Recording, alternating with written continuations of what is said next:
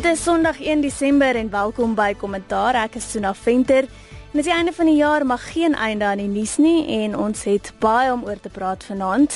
By ons op die paneel is professor Amanda Gous van die Universiteit Stellenbosch se departement politieke wetenskap, ook 'n kommissaris van die Kommissie vir Geslagsgelykheid. Goeienaand Amanda.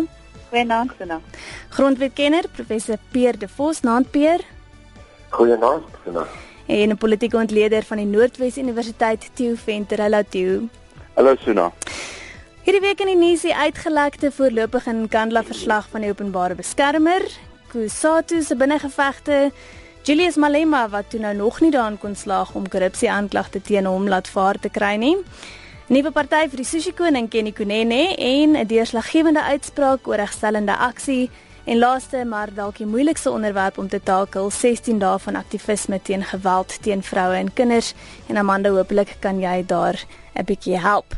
Maar um, kom ons begin met Nkandla. Survivor Nkandla skryf die City Press vanoggend op sy voorblad en uh, dit is 'n aanleiding van uitgelekte inligting in die Mail and Guardian Vrydag wat voorgee om uittreksels te wees uit die openbare beskermer se voorlopige verslag oor die beweerde misbruik van staatsgeld vir die opgradering van president Jacob Zuma se privaat woning op Nkandla.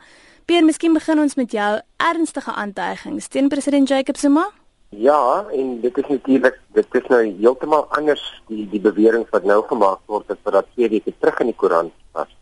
Dit was daar ook 'n sogenaamde uh, uitlekking, sekerlik van die ministers uh, in die security cluster self wat gesê het die verslag uh verontskuldig president Zuma en en as hierdie Mail and Guardian verslag nou geglo kan word, dan is dit eintlik presies die teenoorgestelde. So Uh die groot probleem daar is dat daar die wetgewing oor etiek sê dat uh, geen lid van die kabinet insluit nie pas op die president die parlement mag mislei nie.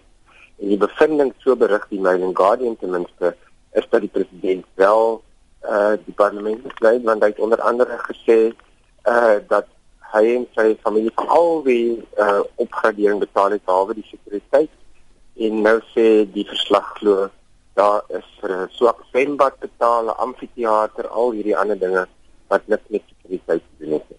Hmm. Die um, die openbare beskermer self het al van die uitgelekte beweringe gedistansieer, uh omdat die proses van terugvoering um, en so nog nie voltooi is nie. Kan ons uiteindelik 'n meer afgewaterde uitkoms verwag? Uh ja, kyk jy hoe die verslag gewoonlik werk is daar 'n voorlopige verslag dan word dit aan al die mense gegee wat die die klaars gegee en ook die persone wat daardeur geaffekteer word en dit word soms afgewater. Uh of daar word uh duidelikheid gekry oor sekere dinge of mense kan al oortuig van sekere dinge. So mense moet bietjie versigtig wees. Dit is nie die finale verslag nie. Ehm um, maar ek moet sê as dit wel waar is dat die staat uh, die belastingbetaler betaal het vir iets soos 'n swembad, weet ek nie hoe mense daar om sou kon kom en sê dat dit 'n veiligheid uh kenmerk van Kandla is nie. Ek hoor die woord wat gebruik word is vuurpoel. ja, ja, kyk, ja. kyk Suna, die die probleem wat ons hier het is ek dink nie enige een van hierdie verslag wat uitgelek het of die vorige een waarna Peer nou verwys het is heeltemal onskuldig nie want hier is soveel belanghebbers by die saak dat 'n mens moet op partykeer tussen die lyne lees wat aangaan en ek dink een van die baie fundamentele goed wat hierdie keer uitkom is dat Tuli Madonsela bevind dat die ministeriële handboek het sekere beperkings op op sekuriteitsverbeteringe. Ek dink dit is 100 000 rand of so iets. En dat sy op geen manier kan regverdig wat hy gedoen het in terme van die ministeriële handboek nie en dis meer en dis meer. Ek dink sy gaan 'n baie 'n baie tegniese eh, siening neem op hierdie saak, maar uiteindelik is die slegte nuus waarmee ons gekonfronteer word dat die saak gaan draai in die parlement en die saak gaan polities gehanteer word. En net soos die saak wat ons net gaan bespreek oor Kusatu, die oomblik wat hierdie saak in die politieke domein kom en die ANC so 'n dominante meerderheid dat dit gaan die frustrasie vlakke van mense wat die Nkandla ding nou eintlik as die ondergang van president Zuma sien net nog hoër in die rooi druk want ehm um, ek is seker die ANC gaan rondom hom uh toemaak en hom beskerm en dat dit gaan die parlement frustreer. En uiteindelik as ons die parlement frustreer, amper soos verlede jaar hierdie tyd toe daar 'n mosie van wantroue in hom ingestel wil word wat hulle op 'n baie subtiele manier heeltemal wat uit ehm um, uit of ontwater het en ontsout het het ehm um, gaan ons weer deur daai proses en dit takel dink ek die aard van ons demokrasie af oor die lang duur. Die die parlement het reeds ophou sit en dit sit eers weer na die verkiesing. So daar is geen manier dat daar 'n stem van wantroue nou ingedien kan word nie. So ek meen dit is 'n uitgemaakte saak. Uh die die president gaan nie bedank nie. Niemand gaan hom dwing om te bedank nie. En die ander vraag wat ek het is dat die verslag sê hy moet 20 miljoen terugbetaal wat nou gaan oor die swembad en en soort van privaat aspekte van die opgradering. Maar dit die hele bedrag is 215 miljoen. So 20 miljoen is eintlik maar 'n druppel in die emmer wat hy moet terugbetaal. So dit is nog steeds nie vir my duidelik. Gegee die aspek dat die die handboek uh, die presidensiële handboek net 100 000 rand toelaat nie. Wat wat dan van die ander bedrag? Jy weet wat hoe gaan daardie uh, bedrag aangespreek? Ja, daardie bedrag wat soos ek reg verstaan uit die uitgelekte bewering ten minste wat te doen het met kostes wat opgeblaas is onder die hand van hierdie persoonlike argitek van president Jacob Zuma. Presies. Ja, en ek dink daai kostes is heel moontlik meer uh, as as 20 miljoen. Mens moet die vraag vra, jy weet, wat is realistiese uh, veranderinge uh, of sekuriteitsopgradering? Wat hier gebeur het is eintlik dat 'n klein dorpie gebou is. Dis nie net een woning nie. Dis 'n kliniek, dis 'n amfitheater, dit is huise, dit is 'n veekraal, dit is allerlei goed. En ja, so wat, wat is wat beteken uh, sekuriteitsopgradering in hierdie konteks. Ek meen dit En die ergste van alles Amanda is dis gebou op tradisionele grond. Wat wat se implikasies daarvan? Ja, um, die die visie eienaar van Nkandla. Hmm. Is dit die is dit die stamhoof? Is dit die tradisionele hoof? Is dit die tradisionele area? Dis definitief nie meneer Zuma nie. Pier?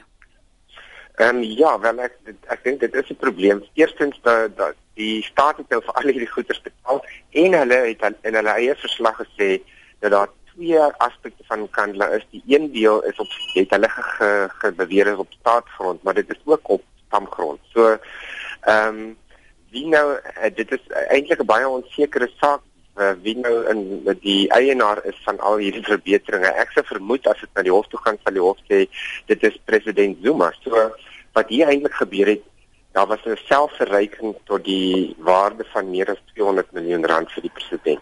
So ek stem saam eintlik met Amanda dat die 20 miljoen eintlik 'n druppel in die emmer is gegee die groter selfverryking wat het. Dink ons enige iemand gaan op die ou end verantwoordbaar gehou word vir wat by Nkandla gebeur het? Ja, ek dink um, as iemand verantwoordelik gehou gaan word, gaan dit baie soos in die Gupta saak, ehm um, gaan hulle soek vir 'n vir 'n senior bestuurder eers in die in die proses, miskien 'n amptenaar wat sekere dokumente geteken het by uh departement uh van van uh die DWW departement van openbare werke. Of dit kan iemand wees wat ergens 'n reël oortree het of dit kan iemand wees wat nie presies alles gevolg het nie. Daar gaan slagoffers wees maar dit gaan definitief nie president Zuma wees nie. Amanda jy het die punt gemaak um van die parlement wat nie op die oomblik sit nie. So, as ek jou reg verstaan, het die ANC nie nodig om veel te doen om in Nkandla kwessie onder druk te hou tot na die verkiesing nie. Nee, ehm um, tensy daar ehm um, deur een van die oppositiepartye, byvoorbeeld die DA, eh uh, aangedring word dat dit ehm um, dit in 'n in 'n hofsaak uh, verander wat ek dink die kans daarvoor is skraal. Ehm um, en en Pierre sal my daaroor kan sê, maar ek dink werklik as ons net praat van politieke kanale, dan is dit nie op hierdie oomblik moontlik nie. Pierre Ja, ek dink nie op hierdie stadium is gaan na hofsaak wees nie. Die probleem is natuurlik ook dat uh, hierdie dinge sou kon hanteer moontlik hanteer kon weer die die beweerde bedrog en so aan deur die strafreg, maar die persone wat in beheer is van besluite oor wie vervolg word en nie vervolg word nie, is ook toevallig dieselfde mense wat deur president Zuma aangestel is. So uh ek sê nie vir ek sê nie uh, my geld daarop sit dat daar enigiets daar gaan gebeur en naby toe kom. As daar iets gaan gebeur in my beskeie opinie, sal dit binne die ANC gebeur, maar ek dink president Zuma is te sterk binne die ANC om dit. Ja, ek dink ek moet met Peer saamstem.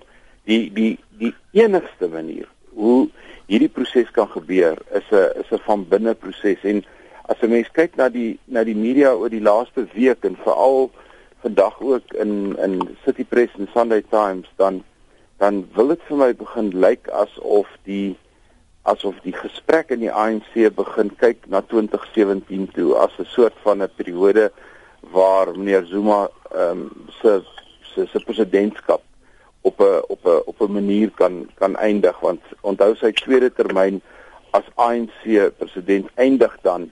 Dat die ANC grondwet is stil. Dit sê nie jy mag net twee termyne dien nie. Jy kan meer as twee termyne dien. Maar die ANC het hierdie dramatiese besluit geneem met meneer Mbeki 'n paar jaar gelede om te sê as jy net 2 jaar staatshoof kan wees, dan kan jy ook net 2 jaar president van die ANC wees.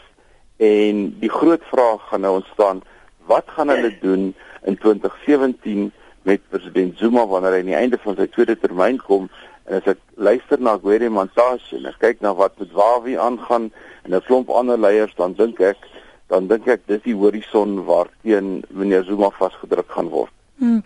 Waar wie ek bly op dit, 'n Gwede under fire skryf die Sunday Independent vanoggend en dis met verwysing na die ANC sekretaris-generaal wat die week opgekom het vir die beleerde geskorste uh, Kusatu hoofsekretaris Zwelinzima Wawi. En is nie net hy nie, Theo Cyril Ramaphosa het ook gepleit vir eenheid in Kusatu die week. Ek het vroeër die week het ek in 'n gesprek dink ek met jou gesê dat die uh die hele ding wat die oomblik in Kusatu aan die gang is, moet ons nie verkeerd verstaan nie.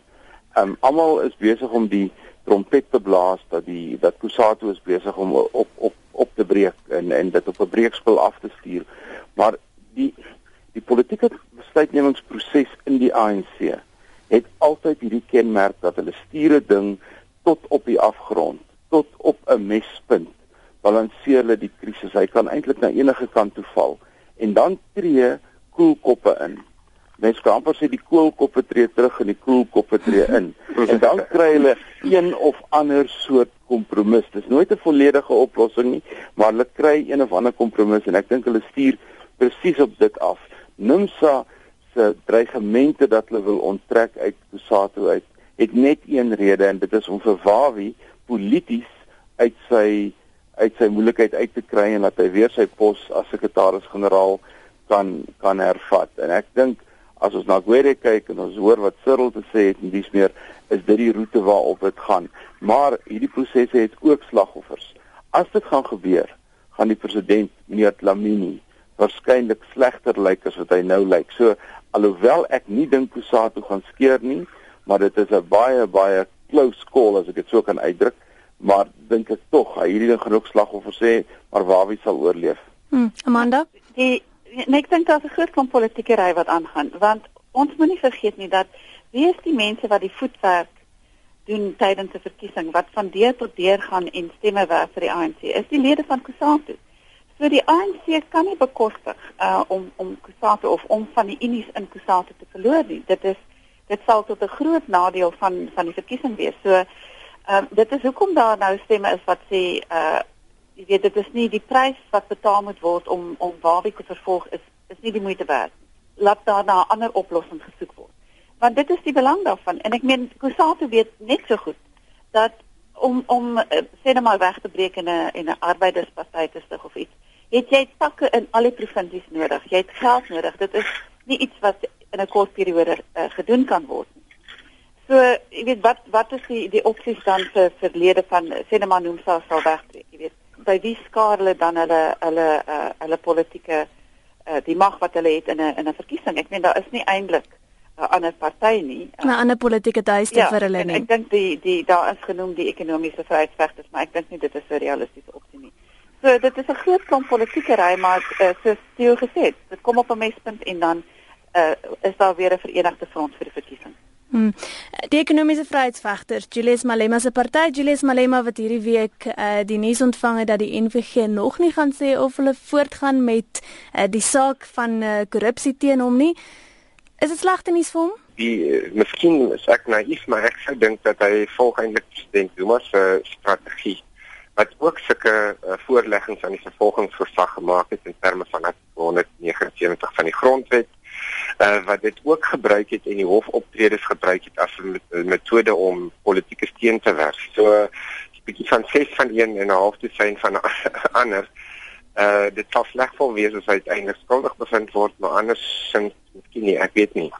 Hmm, Peer, kan Peer, ek is bereid om jou saam te stem. Die dit raak dit raak net al hoe meer kompleks in terme van die verhouding tussen die reg en en die politiek en en ja. wat hy doen. Hy het by Zuma geleer, die oomblik wat jy die regsproses verpolitiseer en ons moet hou on, on, ons moet onthou die punt wat jy vroeër gemaak het, die reg is nie 'n menslose stelsel nie. Hy word hy word beset deur individue en ja. daai individue het baie keer die reg om sekere besluite te neem in terme van hulle aanstelling en hulle poste en dis meer maak dit baie kompleks, maar die kort en die lank van wat ons die week in Polokwane gesien het is uh Julius Malema se verkiesingsveldtog is op dreef.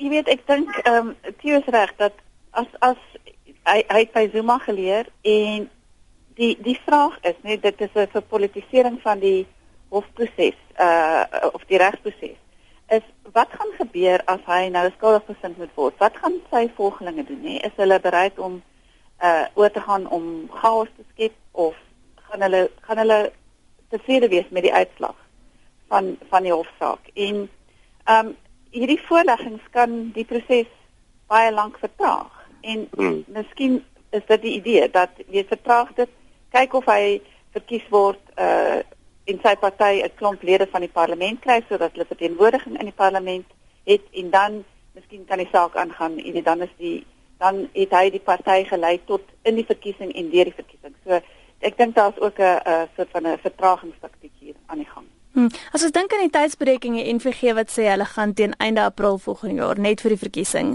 gaan hulle sê of hulle voortgaan met die vervolging teen Julius Malema of nie. As ek sien as jy luister na julle ontleding van die saak, dan gaan hy of uit daai uitspraak uitstap as 'n martelaar of daar uitstap as 'n vrygesproke man eintlik. Hy gaan altyd van toe wen, want jy weet, ehm um, dis dis wat 'n mens soek 'n week of 3 voor die verkiesing. Jy soek blootstelling. Jy soek koerantopskrifte, jy soek fotos. Jy wil in die media wees. So ek die 30ste April is vir my 'n baie dom datum wie dit ook al ja. gekies het. Ehm um, um, dit mag dalk in die regsalmanak 'n uh, 'n uh, oop datum gewees het, maar in terme van die politieke proses kan Julius net lag al die pad bank toe. Hmm. Ja, ek sê ek sê net sê dat ek ek sou nie vir uh, verbaas wees as dit vir politieke redes gekies is nie want die probleem wat ons juist nou het is dat oor die laaste 10 jaar die vervolgingsgesag verpolitiseer is. So al is dit nie werklik die rede nie dat die persepsie is dadelik daar en en dit is waarmee Julius Malema werk dat die proses besluitneming oor wie vervolg of nie vervolg word nie dat dit baie politieke klankies het. So en hy gaan heel waarskynlik daarmee werk af maak nie saak wat die uitslag is nie. Hmm. Nog so 'n bietjie ehm um, politiek die voormalige Sushi koning en tronkvoels as sommiges dalk sê Kenny Kunene stig 'n nuwe party die Patriotiese Alliansie of het hom gestig. Uh gister nadat hy van Julius Malema se EFF weggestap het. Uh wat maak julle hiervan? Wel ek wonder of Amanda nie moet sê nie want ek sien hy het dit in die Weskaap gestaan. Ja, ek dink jy weet dit dit wys net wat 'n opportunis hy is. Jy weet hy soek 'n plek om homself uh, politieke mag te gee. En en en duidelik kan hy nie met Julius Malema kompeteer in in 'n party soos die ekonomiese vryheidsdag. Dis nie so hy het 'n ander party begin. Maar ek dink nie hy's 'n geloofwaardige politikus nie. So weet die mense wat hy rondom hom vergader is vorige tronkvol. Ehm um, en ja, wel dit hang af wie bereid gaan wees om hierdie party te ondersteun. Nie. Jy het omtrent 60000 mense uh, stemme nodig vir een setel in die parlement. So miskien, miskien kry hy een setel, dan het hy weet dan kan hy in die parlement sit en 'n groot salaris trek en niks doen nie. Dit is weet ek dink dit bring my terug by die argument wat ek onlangs gemaak het oor die feit dat ons moet uh dink aan daaraan om 'n 'n drempel in te stel uh in ons uh kiesstelsel. Op die oomblik is dit 0.25, 'n kwart persent kry jy een setel. As ons daai drempel opskuif sê na 2%, dan jy omtrent 500 000 stemme nodig. En dit is meer geloofwaardig in terme om te sê daar is mense wat verteenwoordig word deur 'n lid van die parlement. In die vorige verkiesing het, het die klein partytjies almal minder as 1% van die steun gekry. Nou, jy weet, wie verteenwoordig hulle? Hulle is almal so dieselfde. Python Fasapo in in uh uh die ACDP wat 'n Christelike party is. Ehm um, Maar maar die vraag is of hulle nie net die die stem split nie en dat daar dan mense in die parlement sit wat groot salarisse kry maar wat eintlik totaal oneffektief is. So ek sou dink dit bring ons weer terug by is dit nie tyd dat ons begin moet uh, begin debatteer of ons nie werklik 'n uh, 'n drempel moet instel van alles is net 2% nie. Dit sal al hierdie klein partytjies dan jy weet moet algemeer of hulle sal iets anders moet doen om om meer steun te trek. Ek wil ek wil Amanda steun daarin want kyk die werking van die parlement boonbehalwe nou die sittings en die huis van nasionale huis van verteenwoordigers en dies meer is die werking van die parlement eintlik komitees wat wat dag in en dag uit vergader en werk met stukke wetgewing en dies meer. En hierdie klein partytjies het net eenvoudig nie die ekonomie van skaal as ek dit so kan uitdruk om by elkeen van hierdie komitees betrokke te wees nie. So uiteindelik word dit die ANC en die DA en miskien 'n paar ander wat op hierdie komitees werk. Ek dink byvoorbeeld aan die Vryheidsfront wat 2 of 3 lede in die parlement het waarvan een in die kabinet is. So eintlik is daar net 2 in die parlement wat al hierdie komitees moet bywoon. Hulle kan dit gewoon nie doen nie. Ehm um, so as jy 'n drempel instel ten minste dan het jy meer mense wat 'n bydrae kan lewer op 'n konstruktiewe manier en nie sit en niks doen nie. Peer? Ja, ek stem heeltemal daarmee saam. Ons stem almal saam vandag lyk dit my. Mhm. Ehm mm. um, in Duitsland is daar 5% drempel en en dit maak dit baie belangrik byvoorbeeld dat mense saam moet kom en en uh dat partye koalisies moet vorm en so aan. Uh so ek dink dit sal goed wees vir die politiek as daar so drempel drempel drempel ingestel word en dit sal goed wees vir die werking van die parlement wat die ander mense al slag gesê so ek stem daarmee Pikkie, weg van die politieke ander storie die weekie vakbond solidariteit wat hulle hofstryd gewen het namens kaptein Renate Barnard teen SAPD. Pier, ehm um, wat is die implikasies vir toekomstige regsaksie oor regstellende aksie? Wel die hofsaak het gegaan oor die interpretasie van die sogenaamde uh, Employment Equity Act uh en die hofsaak uh, miskien 'n bietjie verkeerd oor berig in die in die media dit dit het eintlik gegaan oor wat gebeur as jy aansoek doen vir 'n werk. Jy is die mees bevoegde persoon. Daar's niemand anders wat bevoeg is om aangestel te word nie en nou word niemand aangestel. En die hof het gesê mens moet altyd 'n balans tref tussen aan die een kant die nodigheid uh om uh, regstellende aksie in te stel maar aan die ander kant kant ook om uh, elke applikant regverdig te behandel. En sê in so 'n geval kan jy nie in so 'n plek uh niemand aanstel omdat jy wil transformasie uh en bevorder nie, want dit skep eintlik 'n absolute uh beperking op die bevordering van 'n sekere groep mense op grond van hulle ras en dit sou onregverdig wees. So uh in daai sin is dis dit in lyn met wat die grondwetlike hof gesê het oor die balans tussen aan die een kant die nodigheid om regstellende aksie te hê maar aan die ander kant om dit op 'n regverdige manier uh, te bestuur. Hmm. Dan ehm um, 16 dae van aktivisme teen geweld teen vroue en kinders Amanda. Ehm um, kom ons begin dalk deur te vra waar is die groot leemtes in Suid-Afrika wat so veldtog nodig maak? Wel, dit is veldtog wat ek dink 26 jaar gelede in die FSA begin het en ehm um, begin op die 25 van Desember vir 16 dae tot die 11de uh, Desember. Ek dink uh, mense kyk wat die impak van die van die 16 dae veldtog is en die impak is eintlik baie klein gegee die uh geweldige hoë vlakke van uh gesinsgeweld en verkrachting wat ons in Suid-Afrika het. So wat hoe die die veldtog aangewend word is is om uh in gemeenskappe te werk, bewustheid te kweek uh rondom uh geweld. Maar as jy dan na die tyd kyk na die impak, dan is die impak baie klein en ons het nou al in die kommissie gesê dit moet 'n 365 dae veldtog wees.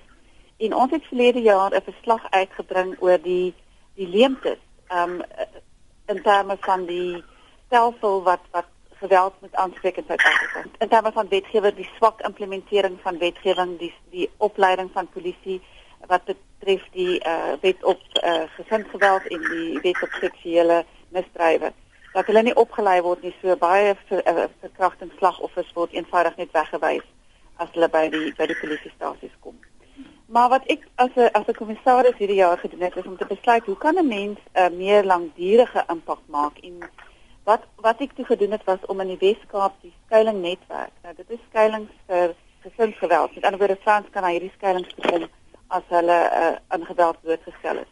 Ek het die skuiling netwerk saam met die Women's Legal Center en 'n paar ander uh, nie-regeringsorganisasies bymekaar gebring. En gesê kom ons kyk as ons navorsing doen oor wat is die kostes as daar nie skuilings is nie. ons het gaan kyk na byvoorbeeld wat gebeur met vrouens as as hulle weggewys word. Want die meeste skuilings in die Weskaap wys tussen 10 en 20 vrouens per week weg. Nou die kostes is natuurlik mediese kostes, dit is die verlies aan werk, dit is uh, huise, meubels wat gebreek word, dis kinders wat uit die skool uitgehaal word of nie nie skool toe gaan nie. Ehm um, dit is sielkundige terapie. As jy al na al hierdie goed gaan kyk en jy maak 'n sommetjie, dan is die koste op die staat geweldig hoog. Nou die die formule wat die departement sosiale ontwikkeling gee vir die befondsing van van skuilings is dat uh, hulle gee 'n sekere bedrag maar die skuilings moet dit self aanvul. En omdat die buitelandse skenkingsbasis opgedroog het, is die baie van hierdie skuilings staan voor die situasie dat hulle gesluit kan word. En ehm um, wat ons sien nou met hierdie kostemodel gedoen het is om te sê elke skuiling het omtrent 120 rand per vrou per dag nodig.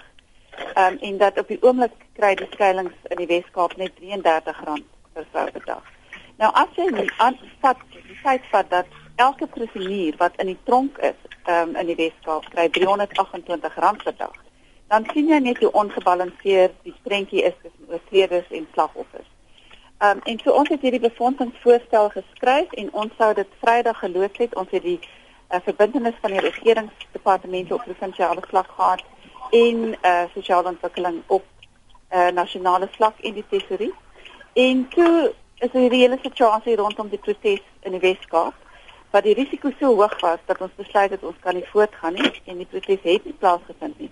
So ek persoonlik dink dit was 'n 'n baie goeie geleentheid wat ons gehad het. Ek weet nie of ons hom weer gaan kry nie, maar ons dit dit was 'n poging om 'n meer langtermyn impak te maak met die 16 dae ehm um, veldtog. Hm.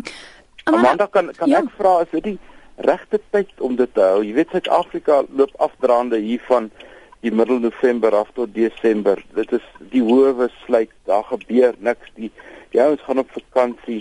Dit mag in Amerika werk want ehm um, hiervan ehm um, April, ag hiervan November af na Thanksgiving Day um, is daar nie so 'n vakansiegees in in die FSA toe dit daar begin het nie. Um, moet julle dit nie dalk op 'n ander tyd doen nie?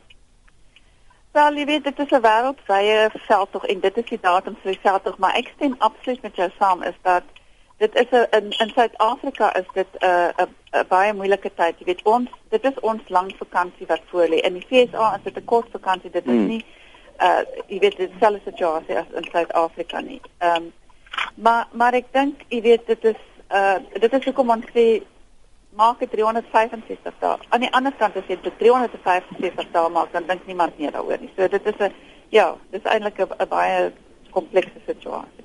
Maar ons het nogal ehm, 'n um, lewendige debat hier in die nuuskantoor gehad hierdie week oor die mentaliteit agter die ding en oor of die uitsondering van vroue en kinders in veldtogte soos hierdie nie bydra tot die samelewing se beskouing van hulle in 'n mindere lig as slagoffers of weerloses nie en of dit nie op 'n manier teenstrydig is met die stryd vir geslagsgelykheid nie.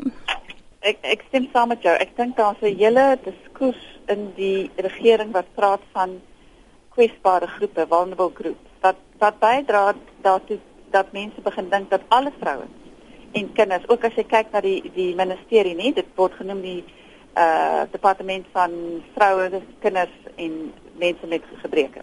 As as ons kyk na daai diskurs, is dit 'n baie ongelukkige diskurs want dit dit sou dit sê dat almal van ons wat vrouens en kinders is, is, is kwesbaar. Wat ons is, maar nie almal tot dieselfde mate nie. Ehm um, en ek dink uh jy weet wat wat wat die self tog doen is om soos jy reg opmerk vrouens en kinders uit te sonder maar dit is ook die realiteit van Suid-Afrika. As ons gaan kyk na die uh, polisie statistiek, dit is 'n geweldige hoë koers. Dit is heel moontlik die hoogste koers in die, in die, in die wêreld.